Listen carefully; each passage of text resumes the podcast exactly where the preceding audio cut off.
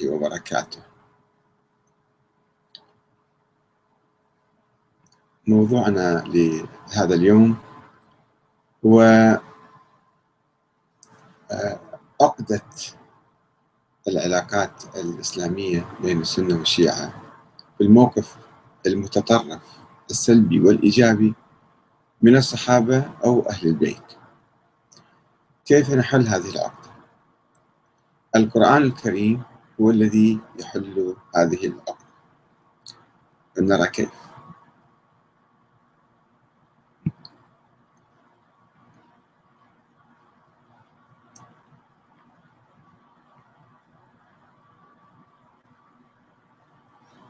القرآن الكريم يحل عقدة التطرف السني الشيعي في الموقف من الصحابة وأهل البيت.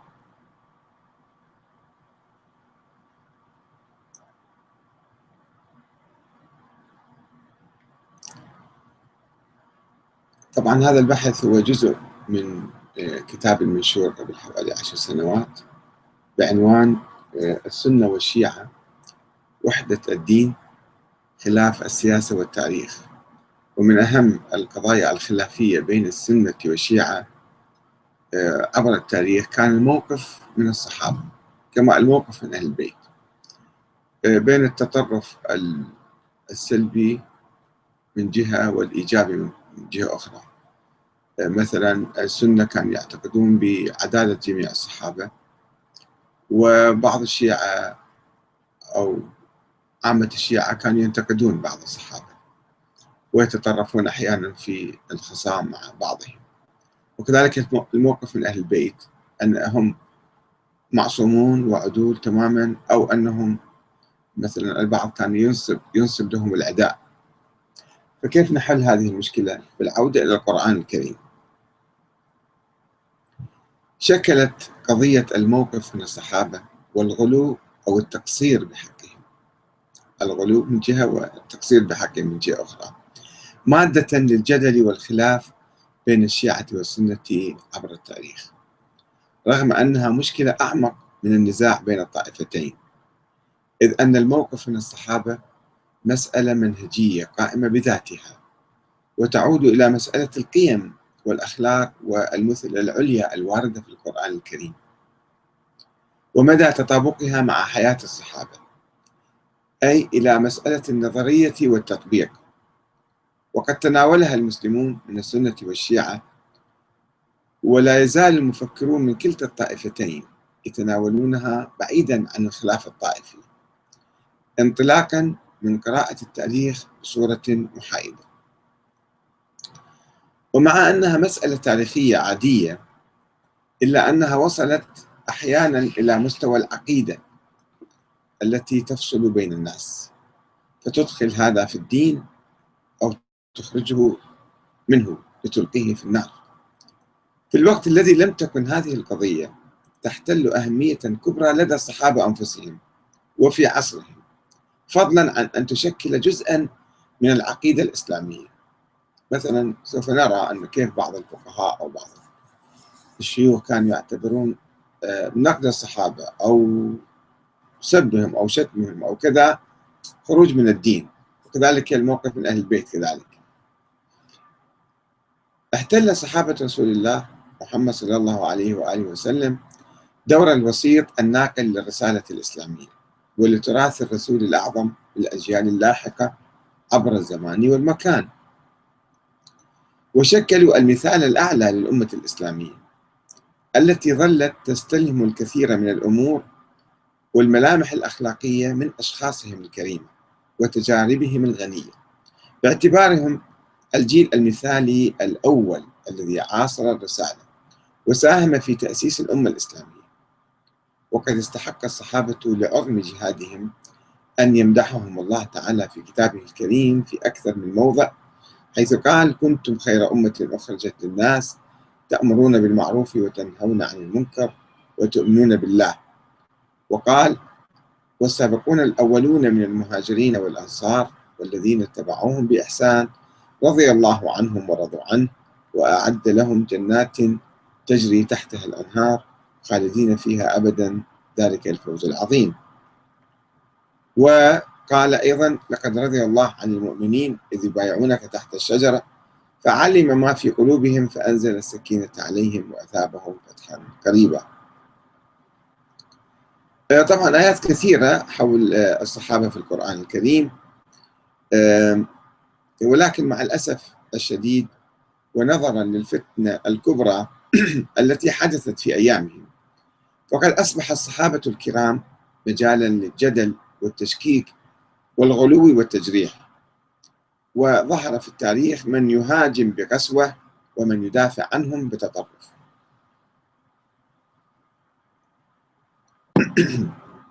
حتى أصبح الحديث عنهم أو اتخاذ الموقف منهم سلبا أو إيجابا بحد ذاته موضوعا عقديا مهما يوازي أركان الدين. ويلعب دورا في تقسيم المجتمع وتشكيل هوية الطوائف الثقافية والدينية. ولذا فإن من المهم جدا بحث بحث موضوع الموقف من الصحابة الكرام لدى السنة والشيعة بكل صراحة وتفصيل ووضع النقاط على الحروف تمهيدا للتخلص من هذا الكابوس الثقيل والتخلص من رواسب الماضي خاصة بعد أن أصبح موضوع الخلاف بين السنة والشيعة نفسه موضوعا تاريخيا لا معنى معاصر له اليوم. لقد كان الخلاف حول الصحابة بين المسلمين ثمرة مرة من ثمار الفتنة الكبرى التي عصفت بجيل الصحابة أنفسهم. وقد حاول الصحابة أنفسهم تجاوز الفتنة والصلح فيما بينهم ولكن ذيول الفتنة استمرت فيما بعده. واستمرت واستمرت إلى اليوم. ونرجو من الله العلي القدير أن يهب المسلمين الحكمة الكافية للملمة ما تبقى من ذيول تلك الفتنة والتخلص منها ورأب الصدع فيما بينهم. ولكي نفهم مشكلة الموقف من الصحابة بشكل جيد لابد من دراسة ظروف نشوئها التاريخية بدقة. وكيف تضخمت لتصبح موضوعا عقديا ومن صنع ومن صنع ذلك ولماذا؟ لم يكن الصحابة الكرام ملائكة معصومين ولا أشرارا والعياذ بالله ولكنهم كانوا فتية فتية آمنوا بالله ورسوله ونصروا دينه وتحملوا في سبيل ذلك العذاب. وكانوا في نفس الوقت بشرا لهم مصالحهم وأهواءهم واجتهاداتهم الخاصة وأخطائهم أيضا. وكان فيهم المؤمنون والمنافقون وربما كان المؤمنون منهم أيضا يتفاوتون في الفضل ودرجات الإيمان التي لا يعلمها إلا الله تعالى. وقد ترسخت مكانتهم بسبب إيمانهم وتضحياتهم وعملهم الصالحات وتجنبهم المعاصي والذنوب. ورغم وضوح هذه الحقيقة القرآنية إلا أن هناك من اعتقد أو يعتقد أن الصحابة احتلوا الصحابة طبعا كلمة تشمل حتى أهل البيت. احتلوا مكانتهم العليا بسبب رؤيتهم للرسول أو مصاحبتهم له ولو لساعة. مهما اقترفوا بعد ذلك من الذنوب والمعاصي وأنهم مغفور لهم بالتأكيد. وبناء على ذلك فقد حرموا توجيه أي نقد لعموم الصحابة أو اتخاذ أي موقف سلبي من أي واحد منهم واعتبار ذلك كفرا وزندقة وإلحادا. وإذا كان السب مرفوضا لأي إنسان يختلف معنا في الرأي فإن من الطبيعي أن يكون سب أو لعن أي صحابي جليل مهما كان مرفوضا بشدة ولكن ذلك لا يمنع من قراءة التاريخ بأمانة وتحليل الأحداث التي وقعت بين الصحابة وأخذ العبرة منها وتعظيم الإنجازات الرائعة والبطولات الباهرة التي قام بها الصحابة الكرام وتجنب الأخطاء التي وقع فيها البعض منهم. فنحن مأمورون باتباع الدين الإسلامي والعمل الصالح والاقتداء بسنة سيد المرسلين ومن يتبعه بإحسان إلى يوم الدين. أن المشكلة في مسألة الصحابة تنبع من المتطرفين من السنة والشيعة وليس عامة الناس المعتدلين. وقيام بعض هؤلاء بالتهجم على خيار الصحابة وقيام بعض أولئك بالدفاع حتى عن السيئين منهم. هذا إذا كانوا يعترفون بوجود سيئين أو منافقين فيهم. كلهم عدو. ولو كان الطرفان يتفقان على وجود قاسم مشترك يميز بين الصالحين والطالحين. لما كانت هناك حاجة للحديث عن الموضوع ولما كانت هناك أي إثارة أو توتر حول هذا الموضوع. ومن أجل أن نضع النقاط على الحروف لابد أن نستعرض أولا النظرية الإسلامية الأولى حول الصحابة. ثم نستعرض النظريتين السنية والشيعية ونبين نقاط الالتقاء والاختلاف بينهما. أو نقاط الاعتدال والتطرف لدى الفريقين. أملا في الوصول إلى نظرة مشتركة ومعتدلة توحد بين المسلمين وتزيل ما بينهم من خلافات وأحقاد.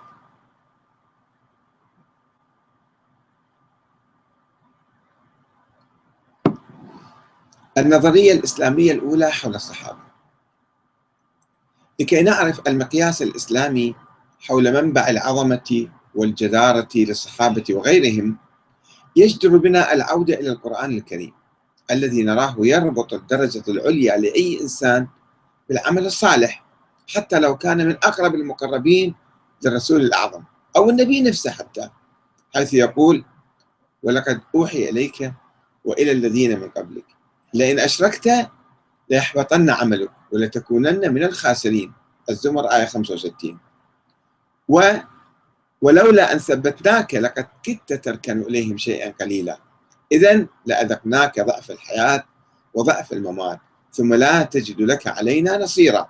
الإسراء آية 74 75 ويقول الله عز وجل متحدثا عن نبيه الكريم ولو تقول علينا بعض الأقاويل لأخذنا منه باليمين ثم لقطعنا منه الوتين فما منكم من أحد عنه حاجزين. الحاقة 44 47 ويأمر الله تعالى نبيه الكريم قل إني أخاف إن عصيت ربي عذاب يوم عظيم.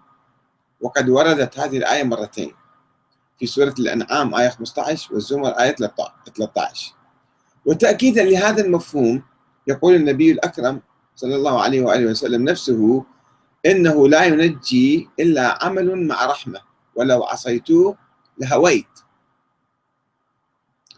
إذا فإن قيمة أي إنسان في المقياس الإسلامي حتى بالنسبة للأنبياء تأتي من الإيمان بالله تعالى والعمل الصالح ولا تأتي من الصحبة أو القرب من الأنبياء أو الفراعنة مثلا بالعكس. واحد يكون قريب من الفرعون يكون سيء وقريب من النبي يكون جيد. لا. القربة والبعد لا من النبي ولا من الفراعنة والكفار يعني يعمل شيئا. فقد قال تعالى ضرب الله مثلا للذين كفروا امرأة نوح وامرأة لوط. كانتا تحت عبدين من عبادنا صالحين فخانتاهما فلم يغنيا عنهما من الله شيئا. وقيل ادخل النار مع الداخلين وضرب الله مثلا للذين آمنوا امرأة فرعون. إذ قالت رب ابني لي عندك بيتا في الجنة ونجني من فرعون وعمله ونجني من القوم الظالمين. التحريم من 10 إلى 11 فإذا لاحظوا يعني زوجات بعض الأنبياء إذا كانتا آه، أو آه، كنا خاطئات يعني ف يعني حسابهم عسير وزوجة فرعون حسابها قد يكون آه، جيد. بناء على الإيمان والعمل الصالح. وبناء على هذا الأساس يخاطب الله تعالى نساء النبي وهن أقرب الناس إليه. يا نساء النبي من يأتن من يأتي منكن بفاحشة مبينة يضاعف له العذاب ضعفين وكان ذلك على الله يسيرا. ومن يقنط منكن لله ورسوله وتعمل صالحا نؤتيها أجرها مرتين وأعتدنا لها رزقا كريما. آه، الأحزاب آية 31 أي أن منزلة أهل البيت وخاصة نساء النبي فضلا عن الصحابة ليست نابعة من قربهم أو صحبتهم للنبي. وإنما من طاعة الله والعمل الصالح. بل إن معصية أهل البيت لله تعالى تستوجب مضاعفة العذاب لقرب أهل البيت من من النبي وسقوط العذر عنهم. وكذلك فإن منزلة الصحابة تأتي من أعمالهم الصالحة وطاعة الله. وربما يمكن القول أيضا أن معصيتهم لله تستوجب مضاعفة العذاب لهم. ولا توجد حصانة خاصة لهم. أو هالة مقدسة تمنعهم من الخطأ أو مواجهة العذاب. وبهذا يتضح أن ما يوجد لدى أهل السنة من أحاديث أو تأويلات واجتهادات حول تمجيد الصحابة هي ضعيفة ومناقضة للقرآن الكريم وتأخذ جانب العموم دون أن تلحظ الآيات الأخرى المخصصة. يعني صحيح الله مدح الصحابة بصورة عامة ولكن خصصها في آيات أخرى بالصالحين وأنذر العصاة منهم وطبق عليهم القانون الإسلامي. فليس كل الصحابة جميع الصحابة كل من رأى النبي ساعة واحدة أو يوم واحد أو عاش معه حتى لسنوات هو يكون معصوم ويكون فوق النقد ويكون هذا يعني عادل مؤكد يعني. هناك ميزان ميزان للعمل الصالح. هذا هو الذي يضعه القرآن الكريم. يؤكد الله تعالى على ميزان العمل الصالح إلى جانب الإيمان به واليوم الآخر به وباليوم الآخر. في أكثر من خمسين آية في القرآن الكريم وأنا أجيب بعض الآيات. واحد إن الذين آمنوا وعملوا الصالحات وأقاموا الصلاة وآتوا الزكاة لهم أجرهم عند ربهم ولا خوف عليهم ولا هم يحزنون. فأما الذين آمنوا وعملوا الصالحات فيوفيهم أجورهم ويزيدهم من فضله وأما الذين استنكفوا واستكبروا فيعذبهم عذابا أليما ولا يجدون لهم من دونه من دون الله وليا ولا نصيرا. وعد الله الذين آمنوا منكم وعملوا الصالحات إيمان وعمل صالح. وعد الله الذين آمنوا منكم وعملوا الصالحات ليستخلفنهم في الأرض كما استخلف الذين من قبلهم وليمكنن لهم دينهم الذي ارتضى لهم وليبدلنهم من بعد خوفهم أمنا. يعبدونني لا يشركون بي شيئا ومن كفر بعد ذلك فأولئك هم الفاسقون. فإذا هذا الباب مفتوح للصحابة للكفر والفسق والضلال والانحراف أيضا. وهي آيات عامة هذه الآيات اللي استعرضناها عامة ومطلقة تشمل الصحابة وغيرهم. فكيف يلغي الله تعالى هذا الميزان المهم في جيل الصحابة لمجرد أنهم شاهدوا الرسول واستمعوا إليه دون أن يعملوا بالإسلام أو يحترموا تعاليم الله. بل إن هنالك آيات تصرح تصرح باستحالة مساواة الله تعالى للمؤمنين العاملين صالحا بالمفسدين والفجار والمسيئين. مثل, مثل هذه الآيات. أم نجعل الذين آمنوا وعملوا الصالحات كالمفسدين في الأرض؟ أم نجعل المتقين كالفجار؟ وما يستوي الأعمى والبصير؟ والذين آمنوا وعملوا الصالحات ولا المسيء. قليلا ما تتذكرون. ومن يقتل مؤمنا متعمدا فجزاؤه جهنم خالدا فيها. وغضب الله عليه ولعنه وأعد له عذابا عظيما. سواء كان صحابي ولا كان غير صحابي. حتى لو كان نبي. لا سمح الله يعني. يقتل إنسان بريء الله يعاقبه. لأن الله يريد آه، آه، من الأنبياء الالتزام بالقوانين بأحكام الله تعالى. وهم جاءوا لكي يعني يطبقوا هذه الأحكام والقوانين. فسواء كانوا هم أو كان أصحابهم القانون ينطبق عليهم جميعا. والله ما عنده يعني مداهنة مع أحد ولا قرابة مع أحد ولا يعني واسطة مع أحد.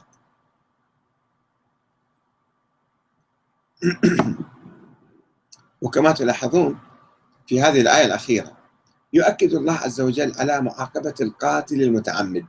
ومجازاته بجهنم وتخليده فيها وغضبه عليه ولعنه وإعداد العذاب له دون أن يستثني الصحابة من ذلك. لأن قانون الله للجميع. وإذا كان الصحابة من آه، شرف فهو إذا كان للصحابة من شرف فهو شرف الإيمان والطاعة والتضحية والتقوى والنصرة. وهذا يقودنا إلى حديث الإيمان والمؤمنين والنفاق والمنافقين في جيل الصحابة. فهل كل من رأى النبي آمن به بصورة سحرية يعني بس تقع عين عن النبي يصير مؤمن؟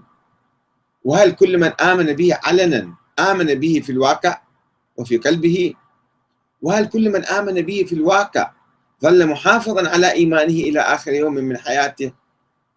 وهل كل من حافظ على إيمانه ظل محافظا على مستوى إيمانه عاليا إلى آخر لحظة من حياته؟ لقد قال الله رسول الله صلى الله عليه وسلم إن من هاجر إلى الله ورسوله فهجرته إلى الله ورسوله ومن هاجر من أجل امرأة يصيبها أو دنيا فهجرته إلى ما هاجر إليه. وقال أيضا ما ذئبان ضاريان أرسلا في زريبة غنم بأشد ضررا على دين الرجل المسلم من حب المال وحب الجاه. يعني هناك مادة تقضم إيمان الناس. دائما الإنسان يكون في حياته حتى الناس الآن المعاصرين تجدون شاب مؤمن ورع تقي زاهد آه، محب للإسلام محب لله مطيع لله تعالى وبكل إخلاص وبكل هذا ينضم إلى حركة إسلامية مثلا أو ينضم يعمل في سبيل الله. ثم يبدأ حب المال وحب الجاه وحب الزعامة وحب السيطرة. هذا الحب ينخر في قلبه فيقضي على إيمانه. ويصبح إنسانا آخر. في آخر, في آخر حياته تجده قد تحول إلى طاغية إلى دكتاتور إلى وحش. إلى وحش إلى قاتل إلى مستبد إلى طاغية. فالإنسان يمكن يتحول يتغير. لذلك النبي يحذر من ذلك. ما ذئبان ضاليان أرسل في زريبة غنم يأكلون في الزريبة ويخنقوها بأشد ضررا على دين الرجل المسلم من حب المال وحب الجاه. وهناك شهيد معروف بشهيد الحمار أو شهيد أم عمرو مما يعني تعرض الصحابة إلى امتحان الدنيا وخاصة الزعامة التي تبعدهم عن التقوى والإخلاص والعمل الصالح وقد تقلب إيمانهم إلى نفاق وتؤدي بهم إلى الردة وقد كان بعض أصحاب رسول الله المعنيين بأمر المنافقين كحذيفة بن اليمان رضي الله عنه يلاحظون تزايد النفاق بعد وفاة رسول الله نتيجة الإقبال على الدنيا. لذا كان حذيفة يقول إن المنافقين اليوم شر منهم على عهد رسول الله. كانوا يومئذ يسرون واليوم يجهرون. ويقول أيضا إنما كان النفاق على عهد النبي فأما اليوم فإنما هو الكفر بعد الإيمان. ويخاطب المسلمين محذرا. إنكم اليوم معشر العرب لتأتون أمورا إنها لفي عهد رسول الله صلى الله عليه وآله وسلم النفاق على وجهه. ومن هنا يحذر الله تعالى أصحاب النبي من الوقوع في الفتنة والانقلاب والردة ويتوعد المنافق المتقلبين منهم أو المنقلبين منهم بالعذاب والخسران حيث يقول عز وجل ما كان الله ليذر المؤمنين على ما أنتم عليه حتى يميز الخبيث من الطيب. وما كان الله ليطلعكم على الغيب ولكن الله يشتبي من رسله من يشاء. ويقول مخاطبا الجيل الأول من المسلمين في أعقاب معركة بدر. يا أيها الذين آمنوا استجيبوا لله وللرسول إذا دعاكم لما يحييكم. واعلموا أن الله يحول بين المرء وقلبه وأنه إليه تحشرون. واتقوا فتنة لا تصيبن الذين ظلموا منكم خاصة. واعلموا أن الله شديد العقاب. ويقول تعالى محذرا الصحابة وما محمد إلا رسول قد خلت من قبله الرسل. أفإن مات أو قتل انقلبتم على أعقابكم ومن ينقلب على عقبيه فلن يضر الله شيئا وسيجزي الله الشاكرين. ويحذرهم أيضا ولا تكونوا كالذين تفرقوا واختلفوا من بعد ما جاءهم البينات وأولئك لهم عذاب عظيم. يوم تبيض وجوههم وتسود وجوه فأما الذين اسودت وجوههم أكفرتم بعد إيمانكم؟ فذوقوا العذاب بما كنتم تكفرون. هكذا يقول لهم يوم القيامة. وأما الذين أبيضت وجوههم ففي رحمة الله هم فيها خالدون. آل عمران آية 5 إلى 107 ويمكننا ملاحظة هذا المفهوم النسبي في فضل الصحابة وليس المطلق يعني. المفهوم النسبي المشروط بالعمل الصالح في قوله تعالى يا أيها الذين آمنوا أطيعوا الله وأطيعوا الرسول ولا تبطلوا أعمالكم. وفي قوله تعالى ولا يزالون يقاتلونكم حتى يردوكم عن دينكم إن استطاعوا. ومن يرتدد منكم عن دينه فيمت وهو كافر. فأولئك حبطت أعمالهم في الدنيا والآخرة وأولئك أصحاب النار هم فيها خالدون. طبعا عندنا في التاريخ بعض الصحابة ارتدوا في زمان رسول الله. وقد حذر رسول الله المسلمين يوم العقبة من التفرقة والاقتتال الداخلي والكفر. حذر المسلمين آه، فقال يا أيها الناس ألا إن دماءكم وأموالكم حرام عليكم إلى أن تلقوا ربكم كحرمة يومكم هذا في شهركم هذا وفي بلدكم هذا. ألا هل بلغت؟ فقلنا نعم.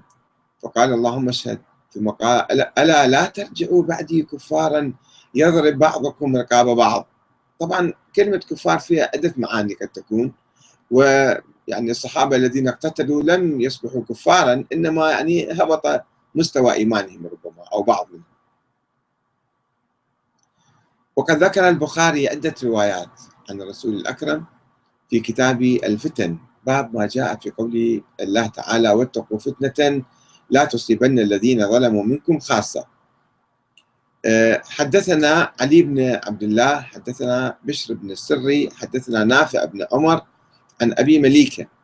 قال قالت أسماء عن النبي قال أنا آه، على حوضي أنتظر من يرد علي فيؤخذ بأناس من أو بناس من دوني فأقول أمتي. فيقول لا تدري مشوا على القهقرة. وحديث آخر أيضا يرويه البخاري يقول أنا فرطكم على الحوض. فليرفعن إلي رجال فليرفعن إلي رجال منكم حتى إذا هويت لأناولهم اختلجوا دوني. فأقول أي ربي أصحابي؟ فيقول لا تدري ما أحدثوا بعدك. وهناك أحاديث أخرى في هذا الموضوع. وبناء على هذا المقياس إذا فإن الله تعالى لم يعطي الصحابة شيكا على بياض ولم يعدهم الجنة لمجرد صحبتهم للرسول بغض النظر عن أعمالهم ومواقفهم. ولم يستبعد عنهم النفاق والشرك والردة وإنما طالبهم بالثبات على الإيمان والطاعة والإخلاص. وبناء على هذا المقياس كان الصحابة أنفسهم يعظم بعضهم بعضا ويقدرون جهاد المجاهدين وطاعة المطيعين في حين أنهم كانوا ينتقدون بعضهم بعضا لو صدرت منهم من أحدهم خطيئة أو ظنوا أنه اقترف معصية حتى لو كان من أصحاب بدر وأحد ومن السابقين الأولين أو المهاجرين والأنصار. فقد أخرج البخاري أن رسول الله صلى الله عليه وآله قال من يعذرني من رجل بلغني أذاه في أهلي؟ فقام سعد بن معاذ فقال يا رسول الله أنا والله أعذرك منه. إن كان من الأوس ضربنا عنقه وإن كان من إخواننا من الخزرج أمرتنا ففعلنا فيه أمرك. فقام سعد بن عبادة وهو سيد الخزرج وكان صالحا ولكن احتملته الحمية. فقال كذبت لأمر الله لا تقتله ولا تقدر على ذلك. فقام أسيد بن حضير فقال كذبت لأمر الله والله لنقتله فإنك منافق تجادل عن المنافقين. اتهم سعد بن عبادة فقام أسيد آه، فثار الحيان الأوس والخزرج حتى هموا أن يقتتلوا رسول الله على المنبر فلم يزل يخفضهم حتى سكتوا وسكت لاحظوا حتى يعني الصحابة أيضا أحيانا كانوا ينفعلون وكانوا يتهمون بعضهم بالنفاق أو بشيء من القبيل وربما لم يكن ذلك حقيقيا ولكن هذه كلمات كانت تصدر من عندهم. ففي هذه الرواية نجد صحابيا يؤذي النبي وصحابيا يتهم آخر بدريا وفي حضرة الرسول بأنه منافق. وذلك لأن مفهوم الإطلاق أنه أي واحد من الصحابة هو مؤمن متقي عادل ورع معصوم. ما كان هذا المفهوم موجود عند الصحابة أنفسهم. لم يكن معروفا لدى الصحابة وإنما كانت نظرة بعضهم إلى بعضهم نسبية. تحتمل ارتفاع الإيمان أو انخفاضه لدى الخطأ أو الانحراف. وهذا ما يفسر اختلاف الصحابة رضي الله عنهم يوم السقيفة وغضب عمر من سعد بن عبادة الذي رفض بيعة أبي بكر وقوله قتله الله مثلا. وكذلك قول عمر لخالد خالد خالد بن الوليد بعد قتله مالك بن نويرة ودخوله بزوجته يا عدو الله. وإذا عدنا إلى تفاصيل الشورى التي عهد بها عمر إلى أفضل ستة من الصحابة وتأكيده على ضرورة انتخاب واحد منهم حتى ثلاثة أيام وقتلهم إذا لم ينتخبوا أحدا. العشرة التي الذين يقال أن أن الرسول توفي وهو عنهم راض.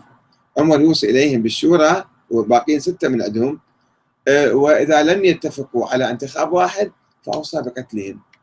فإذا يعني ممكن يخطئون ويعتبر ذلك جريمة كبرى. أو لم يذعن له الآخرون. إذا لم ينتخبوا أحدا أو انتخبوا بس واحد منهم رفض البيعة أيضا يقتل هذا. فإننا يمكن أن نستنتج قانون النسبية بغض النظر عن هذا الموقف صحيح أو خطأ إنما نستفيد منه أن عمر والصحابة في ذيك الأيام كانوا يعتقدون أن المسألة نسبية. يعني عدالة الصحابة نسبية وقد تكون مؤقتة مو دائمة مطلقة. وإلا كيف يأمر بقتلهم إذا لم ينتخبوا أحدا مثلا؟ وعدم وجود أحد من الصحابة فوق الخطأ والتقصير أو استحقاق العقاب ومنه القتل. الفتنة الكبرى. وإذا عدنا إلى قراءة ملف الفتنة الكبرى لوجدنا فيه مواقف عديدة من مختلف الأطراف ومن الصحابة والتابعين تدل على فهمهم النسبي لا المطلق لفضل الصحابة واحتمال افتقاد بعضهم لدرجة الإيمان العليا والاتصاف بالنفاق والردة يعني ينزل لتحت. والكفر حتى. ولا نهدف من فتح ملف التاريخ نكئ جراح الماضي. بقدر ما نريد أخذ العبرة منه. والتأكيد أو التأكد من حقيقة الفهم النسبي لفضل الصحابة. وعدم تقديسهم جميعا والقول بعدالتهم وعصمتهم جميعا. كما كان الصحابة يعتقدون هكذا يعني. يؤكد يذكر المؤرخون أن المسلمين بدأوا ينتقدون سياسة عثمان في السنوات الست الأخيرة من عهده لأمور أخذوها عليه. ولا نريد التحدث عنها الآن. وكان من أبرز منتقدي عثمان أبو ذر وعمار بن ياسر وعبد الله بن مسعود الذين كان جزاؤهم النفي والضرب والتعذيب إلى درجة أنهم أخذوا يتهمون عثمان بالنفاق والكفر وتبديل الدين. وقد روي أن الزبير كان يحرض على قتل عثمان قائلا اقتلوه فقد بدل دينكم. هذا بإمكانكم تراجعون الطبري وتراجعون المصادر الأخرى المذكورة آه، في الكتب كلها تذكر هالشيء هذا. آه، كما ينقل عن السيدة عائشة قولها اقتلوا نعثلا فقد كفر.